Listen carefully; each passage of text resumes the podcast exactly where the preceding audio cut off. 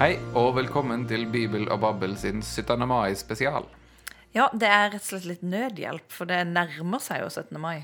Så dette er rett og slett ei, ei episode som kommer på oppfordring. Ja, fra det leserønsket, leserønske, skulle du si. Lytterønske heter det jo når en holder på med podkast.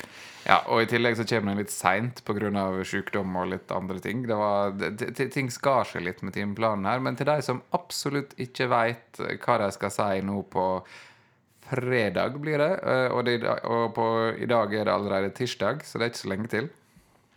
Nei, så skal vi prøve å komme med noen tanker rundt eh, 17. mai. Og hvorfor gjør vi det? Det er jo ikke trosopplæringstiltak på 17. mai. Det er ikke det. Eh, Men vi har tenkt litt at 17. mai har nå det til felles med julaften at alle generasjoner er til stades. Og det er en god del ting. For de som er vant til å gå i gudstjeneste på 17. mai, så er det nok noen sanger de gjerne har lyst til å synge. Og så er det ingen som er interessert i å være der så spesielt lenge, egentlig. Det skjer mange ting den dagen. Veldig mange har et overfylt program, og mange ting de prøver å dytte inn. Eh, Så en har ikke så god tid. Men som en av studentene utenfor her sa når vi sa vi skulle snakke om 17. mai, at det er jo kanskje, i hvert fall hvis du er i Oslo, et av de få stedene du faktisk kan sette deg ned i løpet av en 17. mai. Det tror jeg gjelder flere plasser enn i Oslo. Men det betyr at det kan hende at menigheten er mer interessert i å sitte enn i å høre etter. At det er en sånn der Nå kan vi slappe litt av. Uh, hjemme i Ørsta, der jeg kommer fra, så var i hvert fall gudstjeneste det var etter barnetoget. Da var en gjennom på en måte, dagens eh, første store innsats uh, og kunne sette seg litt ned. Ja, Så dette er jo en sånn type dag da, da det du faktisk sier når du forkynner Altså, Du kan kanskje tenke at det er ikke, er meg som er viktigst i dag. Men det betyr ikke at ikke du må jobbe godt med det som skal sies. Nei. Og det er litt som med julaften og en del andre store gudstjenester, at eh, alle fra de yngste til de eldste er til stades og hører på den samme, sannsynligvis ganske korte preika. Eh, så hvordan skal en legge opp dette her for at eh, alle skal kunne følge med og få noe ut av det en sier om? Det er ganske komplekse tema som dukker opp når en har gudstjeneste på en nasjonaldag.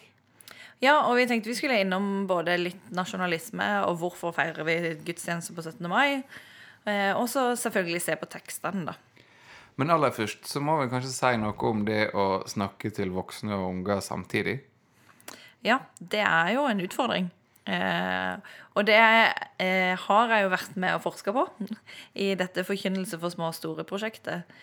Eh, og vi mener jo at det går an, ut fra det vi har sett der. Eh, og at eh, det ikke nødvendigvis er sånn at en bare retter seg inn mot én målgruppe og tenker at ja, ja, men ok, der snakker jeg til tolvåringene, og så får alle de andre liksom henge seg på hvis de kan. Men at det faktisk går an å snakke til små og store samtidig. Eh, og eh, det går an å gjøre det på forskjellige måter, men eh, fortelling har fortellinger, gjenfortellinger av bibelfortellinger skiller seg vel ut som en sånn spesiell godt case da, fra det vi har sett på. Ja, for vi har snakka om dette prosjektet så vidt i denne podkasten før. Men, men hva slags type forkynnelse var det dere så på da? Nei, Det var forkynnelse i trosopplærings... Altså gudstjenester med trosopplæringstiltak, som det heter, hvis du skal være nøye. Eh, så det var jo en annen type setting. Eh, men allikevel så er jo målet i sånne type gudstjenester å ikke bare forkynne til barna, men å forkynne til barn og voksne og ungdom samtidig. Og det ene stedet vi var der, som jeg sa kanskje var det beste caset sånn sett, eh, da var det en gjenfortelling av Sakkeus-fortellinga. Og eh, da sa barn på fire, barn på ni, eh, bestemødre på 90, sa alle at de hadde fått noe eh, nytt ut av fortellinga. Og da tenker jeg at det, da har du lykkes i å forkynne til små og store samtidig, hvis alle i liksom, aldersspennet 4 til 90 sier at oi, ja, men dette ga meg et eller annet innspill til dette, Nå tenker jeg nytt på dette. Jeg tenkte på dette her under preken. Altså og så videre.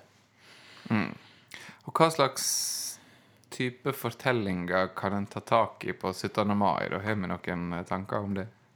Jeg syns det var litt vanskelig spørsmål. Men eh, altså, det er jo eh, Den som er prekentekst, er jo en fortelling. Ja. Så det går jo an å prøve å begynne der. Men det kan være litt vanskelig å skjønne helt hva den har med 17. mai å gjøre. Altså, det er jo den lignelsen i Lukas om eh, de ti spedalske som blir helbreda, og den ene som kommer tilbake for å takke. Som er litt sånn En kan klø seg litt i hodet. Hva i all verden gjør denne teksten på 17. mai, egentlig? Ja, Så det, det handler vel om å da også etablere, kanskje før du forteller fortellinga, en, en eller annen grunn for at eh, denne fortellinga fortelles i dag. Eller etterpå Ja, det kan du, du kan ta det etterpå også. Men eh, jeg har vel sagt det før, at jeg er liksom generelt sett litt sånn skeptisk til eh, sånn oppsummering av fortellinga hvis det blir til at moralen i denne fortellinga er egentlig at eh, Men det går jo an å gjøre det på en annen måte. Ikke sant? Og så er det kanskje noe med at når du har ei gudstjeneste på 17. mai, der folk kommer av litt forskjellige grunner, noen for å få sitteplass, og noen for å finne en plass der det er kaldt eller varmt, eller alt dette sånn, eh, at bare forklare hvorfor en gjør ting. Altså være litt tydeligere på å si at dette er premissene for det vi snakker om i dag. Kanskje eh, spesielt på en sånn dag. Mm. Eh, Og det går an å si eh, i eh, en forkynnelsessituasjon at nå skal jeg snakke om dette, og det har jeg lyst til at dere skal tenke på. Ikke sant? Ja, det hadde kanskje funka. Det går an å prøve. Ja. Ja. Så det går an å ta tak i. Og, men vi hører det fra mange prester og, det var, og, for mange, og fra mange andre som skal forkynne på 17. mai, eh, at eh, det, det er vanskelig å finne ut hva en skal si. Ja, og det gjelder vel også for alle som skal holde sånn hyllingstaler og så. For det er det jo en del av. Ikke sant? Og, og jeg tror kanskje 17. mai er en av de dagene da en skjønner at å ja, det å si noe, det å si noe retorisk godt på et, sånn, på et sånt nivå at det kan si noe om hele fellesskapet og noen store verdier og sånn. Det er ikke sikkert at forkynnerne i kirka er alene om å snakke litt stort og luftig som folk ikke får tak i. Ikke, slett ikke sikkert. Nei. 17. mai er jo en sånn dag da en, snak, da en driver med den type kommunikasjon som en driver med i kirka, og på mange andre arenaer også. Men som vi jo har, eh, skal si mer om nå, så er jo disse tekstene som står i tekstboka, de er ganske De jobber litt imot en sånn type fortelling om 17. mai, da. Ja, for det er klart at det, det mange er bekymra for på 17. mai, er jo en sånn at det skulle bli en sånn nasjonalistisk dag med sånn eh, Vi skal si at ja, vi, Norge er bedre enn alle andre, og eh, vi har fått det så bra til, og sånn feire seg sjøl og ekskludere resten av verden. Eh, også hvis kirka da ved å feire gudstjeneste skulle gi en, slags form for teologisk legitimering av dette her, så dette er ganske problematisk. Ja, og som min kjære mann sa eh, Hæ? Gudstjeneste på 17. mai? Du vet at det er Norge vi feirer, ikke Jesus? Ja, og, og religiøs nasjonalisme er jo en utfordring i, i, i mange sammenhenger. Eh, men tenkte altså, hvis, men hvis vi ser på hva slags tekster har en da i Den norske kirke som kan forklare litt om altså, hva er det en tenker, og, og, og det er mye her som også åpenbart viser at en er klar over at religiøs nasjonalisme er noe en skal prøve å unngå. Definitivt. Eh, og ei sånn tekst som ofte sier noe om hva tenker en i Den norske kirke om denne dagen i dag, det er jo faktisk å sjekke de bønnene for dagen som ble vedtatt eh, for noen få år siden. Med oppdatering av de gamle kollektbønnene. Og klart at Hvis vi ser på den som da ble vedtatt for 17. mai, så står det der da Nådige Gud, takk for landet vi bor i, for grunnlova vår og fridommen. Vi ber deg, la navnet ditt være heilagt blant oss, vak over landet vårt, vern oss mot hovmod, og lær oss å være gjestfrie. Og så blir perspektivet vendt utover, i alle folk og nasjoner på jord et verdig liv i fridom og fred. Så det er sånn Takk for det vi har fått. Eh, lær oss å holde ditt navn heilagt, og så må alle andre land få det vi feirer at vi har fått i dag. Og ikke være hovmodige. Og ikke være hovmodige. Så du har en ganske sånn ganske sånn tydelig verdimessig innsteg der at eh, det- dette er det Den norske kirke prøver å formidle. Så har du salmene, da. Ja, og salmene er noe altså, Og det er litt interessant, for de er, en- de er noe skrevne Veldig mange av dem er noe skrevet før 1905. Så hvis vi blader gjennom kapitlet som da heter 'Folk og fedreland' i salmeboka fra 753, Eh, Så har vi på 755 så har vi 'Ja, vi elsker dette landet', som står i salmeboka med tre vers. Det er vel egentlig åtte. Ja, det er åtte vers. Ja. Eh, Men den er skrevet i 1859 og redigert i 1869. Så er det 'Gud signe Norges land', skrevet av Arne Garborg i 1878. Eh, og så er det 'Fedrelandssalmen', 'Gud signe vårt dyre federland', Elias Blix i 1890. Og så den siste i det kapitlet er da 'Fagert er landet' av Anders Hovden, som var skrevet i 1907. Det er skrevet når en bygde nasjonen, rett og slett. Ikke sant? Og, og bortsett fra Fager, Fagert er så er alle skrevne før unionsoppløsninga, mens en var i union med Sverige. Og prøver å definere hva som er norskt, og hva som er ikke norskt. Ja, og, og der er nå altså, Og Elias Blix og Fedrelandssalmen er nå Altså Elias Blix sine salmer så er jo så er det at nasjonen Norge finner tilbake igjen til seg sjøl og finner tilbake igjen til sitt eget språk. Språket er naturligvis alltid et viktig moment, i dette tilfellet så er det landsmål. Eh, Så rart at det kom fra deg. Rart at det kom fra meg og Elias Blix. med Vi har litt felles sak her. Eh, Men at, at det blir sett på som ei oppvåkning sånn, Altså, Nå livner det i Lundar, som står som pinsesalme i salmeboka, og det er det den er. Men brukes eh, mye i mai. Ja, ikke sant? Men det er noe med at våren er på en måte livet som kommer tilbake igjen, og så er det, er det anden som kommer over folket og landet og vekker livet til igjen. Altså, alt flyter sammen til en sånn der vår og pinse og 17. mai til ett sånn stort motiv om at nå blir landet vekt opp igjen fra 400-årsnatta under danskene. Det er jo rett og slett et frigjøringsprosjekt. Eh, Og det, da det jo an å tenke at det var fint at teologien bygde opp rundt det frigjøringsprosjektet. Men nå har vi jo vært frigjort noen år. Ikke sant? Så, så på en måte så er nå den historiske situasjonen veldig annerledes. Eh, Men en ser nå at den dagens bønn, som er ganske ny, den tar nå vare på dette her takkeaspektet. Altså Det er jo en teologisk tolkning av historien. At en tenker at det som har skjedd, og det som er godt i den norske historien, er, en realisering av Guds vilje eh, på et eller annet nivå. Og at det går an å takke for. Og at, eh, og at disse tekstene da, eh, i tekstboka også kanskje peker fram mot dette takket. For det, det som er når en skal finne bibeltekster til en sånn dag altså Blix har jo funnet en del sånne eh, profetier om livet som vender tilbake igjen, og bruker litt Jesaja litt her, og litt sånn pinsetekster og litt forskjellige ting. Men, det, men i tekstboka så har en en eh, en utfordring, fordi at du finner ikke så mye sånn nasjon i vår forstand i Bibelen. Du finner folk i Det gamle testamentet, du finner Israel, men det er ikke så mye i dette materialet her å sette likhetstegn mellom det, mellom det gammeltestamentlige Israel og den eh, moderne nasjonalstaten. Og det er teologisk veldig gode grunner til å ikke gjøre.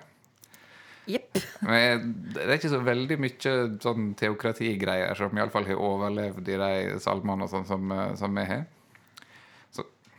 Jeg vet ikke om det var noe heller, men eh, det får kirkehistorikerne svare på. Eh, og i Nytestamentet så er det, det er, det er ikke en nasjon på den måten. For det der, den statsdannelsen du har, er noe Romerrike som er stor og dreier seg om over hele verden, og som ikke er nødvendigvis positiv. For den er, altså, den er undertrykkende i noen tekster, og så er den sånn nøytral i andre. Sjelden positivt, vel. Sjelden positivt. Ja. Eh, og det er jo, ser du jo i andre rekke, sant? for da har du denne teksten fra Matteus om at du skal eh, gi keiseren det til keiserens er, og så skal du gi Gud det Guds er. Som sånn. Vi deler her, og det God luthersk toregimentslære. Ja, altså sånn rent bibelfaglig så kjenner jeg det stritter litt imot her. Men, men det er tema for en annen podkast, for det er ikke, det er ikke preiketekster i år. Eh, men, men det er klart, også har i det første rekke så er, det, så er det faktisk et par vers fra Marias lovsang, er det vel? Ja. Eh, og, der, og det er klart at der er en sånn Å Gud eh, gjør storverk med sin sterke arm. Han sprer, sprer de som bærer hovmodstanker i hjertet. Han støter stormenn ned fra trona og løfter opp de lave. Som er sånn nedenfra og opp, sånn fra de sosialt marginaliserte mot, eh, mot de som har makt og rikdom i samfunnet. Samtidig som, hvis du leser den på 17. mai, så blir det plutselig nasjonen Norge som kan identifiseres med de svake og de lave som blir løfta opp, eh, og ikke de marginaliserte fattige. Og, det, og, og en, hva slags størrelser som en identifiserer med hva slags størrelser i tekstene, er et ganske kritisk spørsmål, i, uh, kritisk spørsmål på, på, en dag som 17. mai. Absolutt. For det, det, vi er jo ikke så marginaliserte. Nei. Og det er klart, i 1814, altså fortellinga om 1814 og sånn, da, liker vi jo å framstille oss som det. Og så bevare litt av den identiteten, sjøl om en da et, i løpet av de 200 åra som er gått, har endt opp med å bli et av verdens rikeste land. Eh, og, og, der kan det bli en del sånn dissonanser som kan være problematisk. Men jeg tror, men jeg tror på en sånn dag som 17. mai å være litt obs på altså, hvem er det en refererer til når en sier 'vi'? Ja, og, og, som du sier, altså, hvem legger du opp til at eh, du skal identifisere Norge med i teksten? Mm. Eh, og eh, når vi sier vi, hvem legger du inn i vi-et? Og er vi i Norge? Er det vi som er i kirka? Er det Og så videre. Det er en grunn til gjennomtenking. Og, og, og, når en sier 'vi', ekskluderer en da noen? Noen som ikke er en del av det fellesskapet? Og, og det er fort gjort å si ting som en ikke mener. Ja. Rett og slett. eh, og, og, det er jo eh, det er god grunn til å tenke over hva en mener når en sier vi i alle slags eh, forkynnelse. Men eh, særlig da når det er såpass eh, eh, og Særlig når det er såpass Det kan være såpass touchy med liksom hvem som hører hjemme og ikke hører hjemme i vi som feirer 17. mai. Det er jo diskusjoner hvert eneste år om hvem som bør være med i tog osv. Og, og hvem sine flagg som en bør ha med i toget, og, all, og alle de diskusjonene. ikke sant?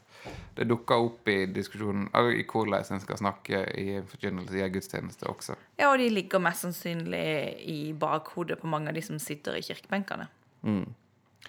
Og, det, og det å rett og slett sette seg ned med tekster og telle pronomen. Altså Det har vi gjort nå når jeg, har, jeg er så heldig at jeg har fått undervise litt i homiletikk også de siste, siste to vårsemestre. Jeg har tilbakemeldinger fra studentene som da blir bedt om å sette seg ned og telle pronomen i sine egne preiker. En av at de blir overraska over hvordan de egentlig snakker. Altså både om, både om hva pronomen en bruker om Gud, men også hva en bruker om seg sjøl, og hvordan en forstår tilhørerne. Som et vi eller som et dere. Eller, og så plutselig oppdager jeg at ja, men jeg mente ikke å si dette her. Uh, men, ja, men du bruker disse ordene der. Ja, og så er det lett å falle inn i et mønster der. Mm. Kanskje etter noe du har lært, eller noen du har hørt på, og så tenker du ja, ja, det funker jo fint. Og så gjør de det av og til, og så gjør de det plutselig ikke. Ja. Så det kan være triks i forberedelsen til 17. mai. At etter at en har skrevet ferdig et første utkast, så tell over og leit etter vi og jeg og alle disse Og da også ikke bare telle over, men å tenke hvem er det det refererer til. Mm. Så det kan være lurt. Og det, og det blir enda mer aktuelt når vi kommer til det som er preiketekster i år. Uh, og tekstene i tredje rekke, og det er litt gøy altså Tekstboka til Den norske kirke er som du sier, det er litt sånn motfortelling til en del sånne sjølgode nasjonalistiske 17. mai-fortellinger. Og det er litt morsomt, egentlig. Jeg syns òg det er morsomt. Problemet er jo bare at hvis vi syns det er veldig morsomt, og prester syns det er veldig morsomt, og andre som pleier å gå i kirka, syns det er veldig morsomt, og så sitter det en hel haug andre som har tenkt at nå skal vi få en liten sånn Heia Norge-preken. Ja, ikke sant? For det her er ganske sånn der djup, kritisk uh, motstemme som faktisk finnes i tekstene her. Som en har valgt å ha, og dette er på en måte Den norske kirke sin måte å håndtere denne dagen på. Uh, men samtidig som altså i tredje rekke så har vi ei lesetekst fra Det gamle testamentet, fra Femte Mosebok. Som er en sånn 'ta deg i vare så du ikke glemmer Herren din Gud', og lett være å holde båda og lovene. Sånn. Husk at Gud har gitt deg det du Ja. ja. Det du har fått. Og det er nå for så vidt en sånn tekst som er, det handler om hvordan det gammeltestamentlige Israel blir til, og blir på en måte grunnlagt på Guds lov og en del sånne tanker om teokratiet der. Og så er, det fascinerende den, det, det, ene verset fra første Korinterbrev som er nytestamentlig lest tekst. Eh, hvem har sett deg høyere enn andre? Hva, hva annet har du fått eh, har du enn det du har fått? Og har du fått noe, hvorfor skryter du da som om du ikke hadde fått det i gave? Og det er et det er helt ute av kontekst, for det første Korinterbrev, i kapittel fire, så handler det om Det handler om apostlenes tjeneste, så det er Pauli som snakker, irettesetter rett og slett noen av korinterne for at de ja, For at de setter hverandre, den ene høyere enn den andre, og krangler mellom Paulus og Apostel, eh, Apollos osv. Sant? Og her, og, og så tar han ut det der ene verset som inneholder denne figuren om at hvis du har fått noe, så har ikke du noen grunn til å skryte av det. Eh, det er en figur som jeg egentlig kjenner igjen fra stoisk filosofi, som også er litt sånn altså, Hvorfor skal du skryte av det du har fått? Det er ikke noe med deg å gjøre, egentlig. Det er tilfeldigheten eller det er en måte forsyn eller hva som helst som har gjort at du har fått det. Men det sier ikke noe om dine egenskaper. Det er klart å ta det ut av en kontekst i første Korinterbrev, der det handler om forholdet mellom apostlene og menighetene, og så ta det inn i en sånn 17. mai-kontekst, der du leser det i verdens rikeste land og sier hvorfor skal du skryte av det du har fått? Fordi du har ikke gjort noe for å få det. Nei, sant? Det er et veldig godt spørsmål, men det er teologisk veldig ladda. Eh, og, det leder over, og, og det leder over i preketekster, som er den fortellinga jeg holdt på å si lignelsen. Det er nå egentlig ikke det. Nei, det er ikke det. Det er en fortelling. Eh, det ligner, men det ligner på en lignelse. Ja, for det er noen sånn eh, det, det er noen formuleringer der som gjør at du tenker oi, det her kanskje kunne vært lignelse, men så blir det presentert som en fortelling, i hvert Ja. fall. Eh, så det er nå iallfall en fortelling om fra Jesu reise til Jerusalem i Lukasevangeliet. Den tar nå ganske mange kapittel. Og dette her skjer da eh, Medan Jesus var på veien til Jerusalem, drog han gjennom grenselandet mellom Samaria og Galilea.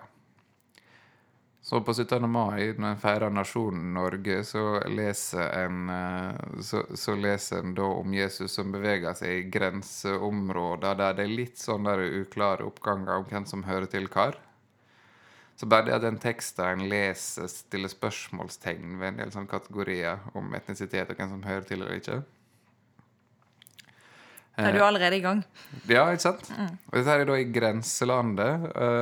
og Samaria var nå de som I Samaria bodde samaritanerne, som definerte seg egentlig innafor, og de las Moselova, mens de andre jødene definerte dem utafor, fordi de ikke aksepterte resten av de skriftene, og de hadde sine egne ofringer på Garisimfjellet.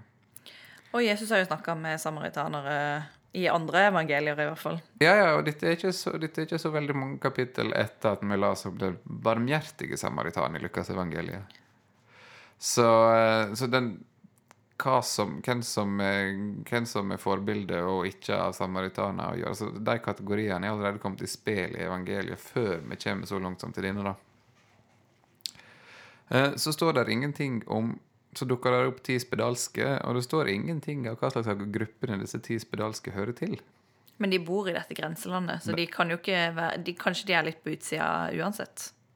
Ja, eh, men, men det kommer tilbake igjen, da, fordi de, de disse her spedalske, som da også er definert ut og lever utafor samfunnet, og at de ikke har lov å nærme seg folk, og derfor roper til Jesus på avstand. Herre, kan du eh, så, så, Og så Jesus rører ikke de heller.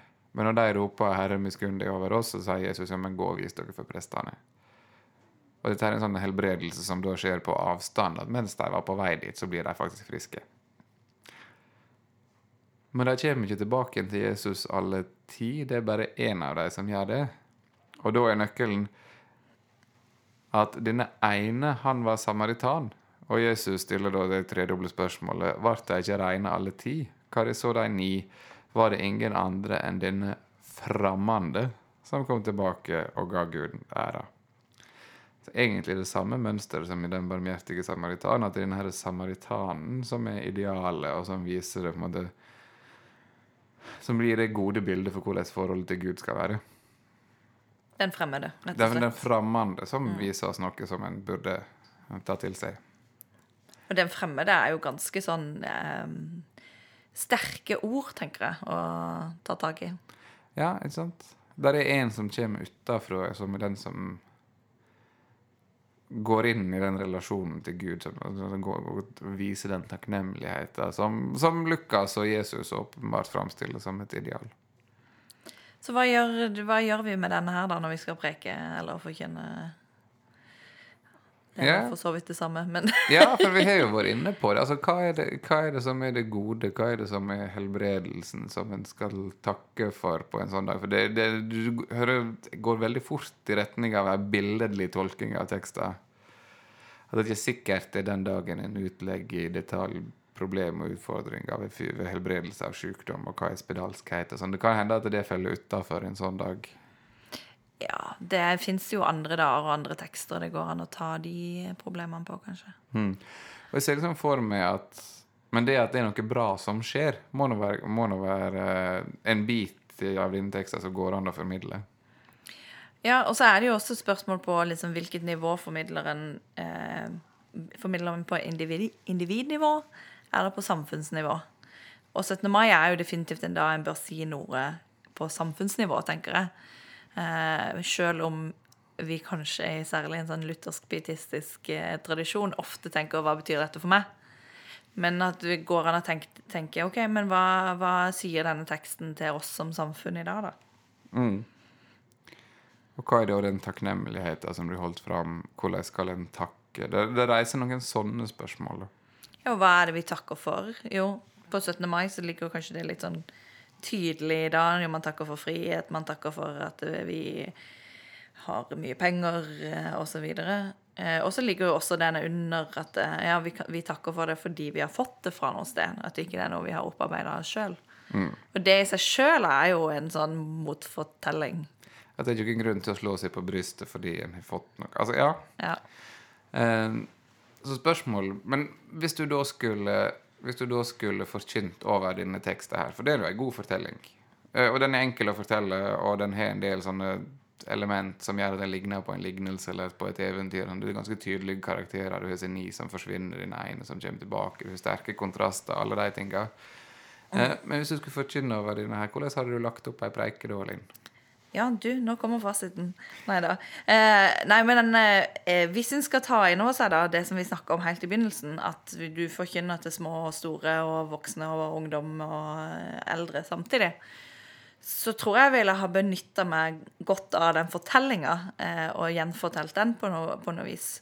Men jeg ville også ha eh, Siden det er 17. mai, så ville jeg også ha sagt noe, tror jeg Jeg tror jeg ville sagt i forkant noe om eh, konteksten Altså den kirkelige Det som vi har snakka om nå, forbønnen, tekstene, åssen disse tingene sier noe om eh, Åssen disse tingene forteller en motfortelling. Og så ville jeg sagt eh, noe om eh, hvordan en ser det komme ut i fortellinga, og så vil jeg gjenfortelle fortellinga. Og da gjennomfører du en, sånn- det som egentlig er en ganske kompleks tolkningsprosess, å lese inn litt andre størrelser som ikke er i tekster der. Eh, men det gjør det mulig å følge med ved å være tydelig på premissene først. Jeg hadde testa det, i hvert fall, tror jeg. Jeg tror ikke jeg hadde kommet på så mye annet. Fordi at jeg syns at det er et poeng å eh, holde på med prophetic preaching av og til, som man kaller det på homolitikken. Altså at du snakker på samfunnsnivå. Eh, og det her er en god anledning til det, og det er en god fortelling til det. Så da ville jeg også ha Men, men, men jeg tror ikke alle Jeg tror du må ha hjelp til å tolke fortellinga på den måten, da. Og du får ikke den bare ved at de andre tekstene leses høyt i gudstjenesten. Så den der tolkningsprosessen tror jeg vi trenger hjelp til, vi som sitter i Hvis vi, i det tilfellet er vi som sitter i kirkebenkene, vi trenger hjelp til å komme i gang med det som presten allerede, eller forkynneren allerede har i hodet sitt. da. Så jeg ville gjort det relativt eksplisitt på en sånn da. Ja, Da får det være utfordringa. Og så eh, ønsker vi alle som skal preike på fredag, lykke til. Og eventuelt si gjerne, hvis jeg tester det, si ifra hvordan det funker. Ja, vi vil gjerne høre tilbakemeldinger. Og så kommer vi over helga med nye episoder om forkynnelse til pinse. Som, Da får vi, får vi besøk av professor i systematisk teologi, Terje Hegertun. Ja, vi måtte finne en ordentlig pinsevenn når vi skal si noe om pinse, så de episodene kommer De blir iallfall én episode, kanskje to, vi får se. Eh, så kommer da over helga. Da høres vi da. Og God 17. mai. god 17. mai.